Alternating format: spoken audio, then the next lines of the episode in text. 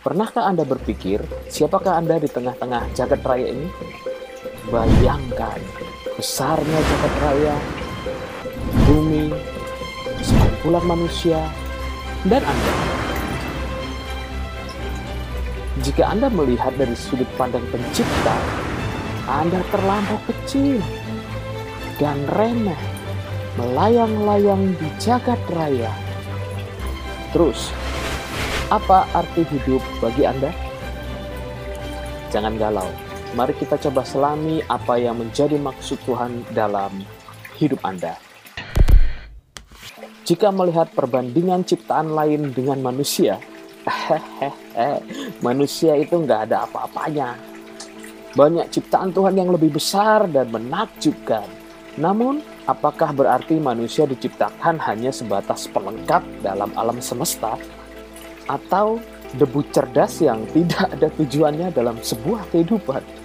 Eits, jangan meremehkan. Tahukah Anda bahwa manusia meskipun kecil dalam alam semesta, namun manusia adalah makhluk cerdas yang diciptakan untuk satu tujuan khusus. Di episode Minder Akut, saya sudah menjelaskan garis besarnya. Jika Anda ingin memahami lebih, silahkan lihat di akun IGTV saya. Anyway, Anda pernah mendengar tentang kehendak Allah? Ya, kehendak Allah adalah maksud dan tujuan Allah terhadap sesuatu dalam artian di sini adalah kehidupan manusia. Atau secara gampang adalah maksud dan tujuan Allah diciptakannya manusia. Kita sudah membahasnya di episode yang lalu bahwa manusia diciptakan sebagai makhluk yang mulia dan sebagai pemegang otoritas tertinggi dari ciptaan yang lain pemegang kendali, dan berkuasa atas segala ciptaan. Anda bisa membacanya di teori penciptaan di kitab kejadian. Namun, itu semua adalah wahyu umum. Semua yang punya label nama jenis manusia dianugerahkan wahyu itu. Sama seperti merasakan matahari, mendapatkan hujan, semua orang akan mendapatkan hal yang sama, entah itu orang baik atau itu orang jahat. Namun apakah hanya demikian? Dan kemudian semuanya akan berakhir di tempat yang sama begitu? Anda tahu maksud saya bahwa segala sesuatu ada kesudahannya. Film aja ada tamatnya. Jadi apakah ada tujuan selain yang kita bicarakan tadi?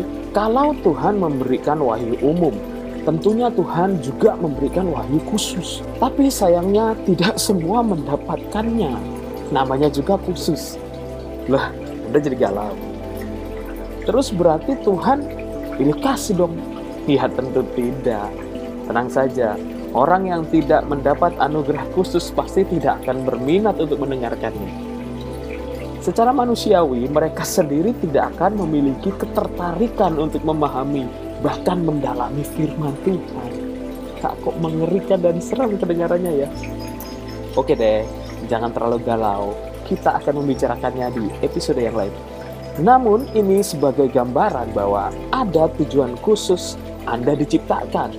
Anda tidak hanya menjadi debu cerdas yang gentayangan di alam semesta, dan tentunya tujuan khusus hanya dimiliki oleh orang-orang yang dipilih Allah.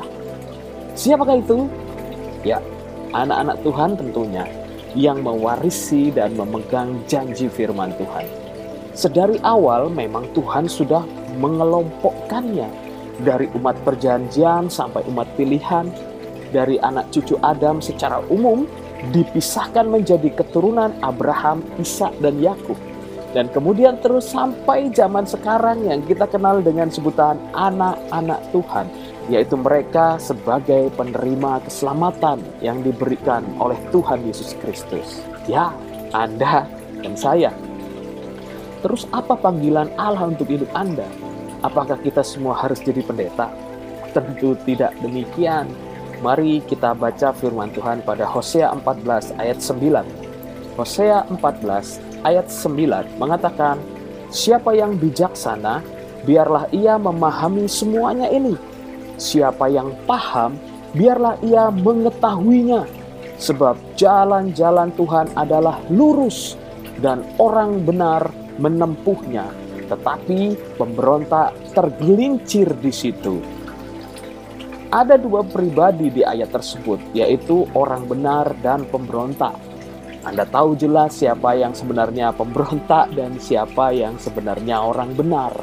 Oleh sebab itu, sedari awal saya sudah katakan bahwa orang-orang pilihan akan merespon panggilan Allah. Terus bagaimana dengan kehendak Allah dan hidup kita? 1 Korintus 8 ayat 6 mengatakan, Namun bagi kita hanya ada satu Allah saja, yaitu Bapa, yang daripadanya berasal segala sesuatu dan untuk dia kita hidup.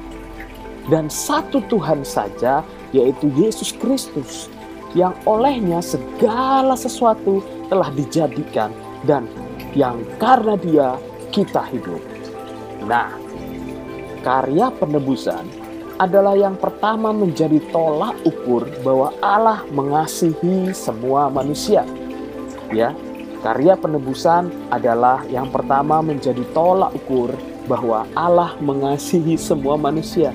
Namun, Allah menyelamatkan semua yang percaya. Allah hanya menyelamatkan semua orang yang percaya. Apakah Anda mendengar sebuah pembedaan anda dan saya percaya. Itu yang membedakan dengan manusia yang lain. Itu yang membuat Anda dan saya mendapat wahyu khusus. Itu yang membuat kita mendapat anugerah khusus. Dan itu juga yang membuat kita mendapatkan janji Allah. Itu juga yang membuat kita paham perkataan Tuhan Yesus dalam doanya. Yohanes 17 ayat 21 mengatakan supaya mereka semua menjadi satu sama seperti Engkau, ya Bapa, di dalam aku dan aku di dalam Engkau, agar mereka juga di dalam kita, supaya dunia percaya bahwa Engkau yang telah mengutus aku. Anda merasakan bahwa anugerah Tuhan itu sangat besar, bukankah begitu saudaraku? Dan Kristus juga pernah berkata demikian. Yohanes 5 ayat 19, maka Yesus menjawab mereka katanya, Aku berkata kepadamu, sesungguhnya anak tidak dapat mengerjakan sesuatu dari dirinya sendiri, jikalau tidak ia melihat Bapa mengerjakannya. Sebab apa yang dikerjakan Bapa itu juga yang dikerjakan anak. Nah sekarang, apakah Anda sudah mulai paham? Satu lagi ayat untuk meneguhkan Roma 11 ayat 36. Sebab segala sesuatu adalah dari Dia dan oleh Dia dan kepada Dia bagi dialah kemuliaan sampai selama-lamanya. Jadi inilah kehendak Allah adalah semua yang Anda kerjakan menurut anugerah Allah dan pengertian yang benar dari Allah termasuk dalam semua talenta Anda yang dititipkan Allah kepada Anda untuk mengusahakannya. Dan dengan satu tujuan yaitu mempermuliakan nama Allah Bapa kita. Supaya kita menjadi saksi bahwa hanya ada satu Allah saja untuk kita hidup. Dan satu Tuhan saja Yesus Kristus yang olehnya segala sesuatu telah dijadikan dan yang karena dia kita hidup. Biarkan saya mengutip sebuah artikel demikian. John Wesley pernah ditanya, "Jikalau besok Tuhan Yesus datang kembali, apa yang Anda lakukan?" Dia menjawab, "Aku tidak akan merubah satupun jadwalku besok."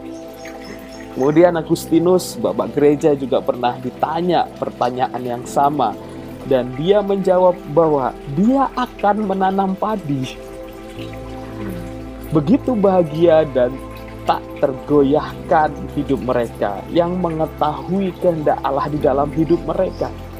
Dengan tenang mereka akan bertemu dengan Tuhan Yesus walaupun hari itu adalah besok.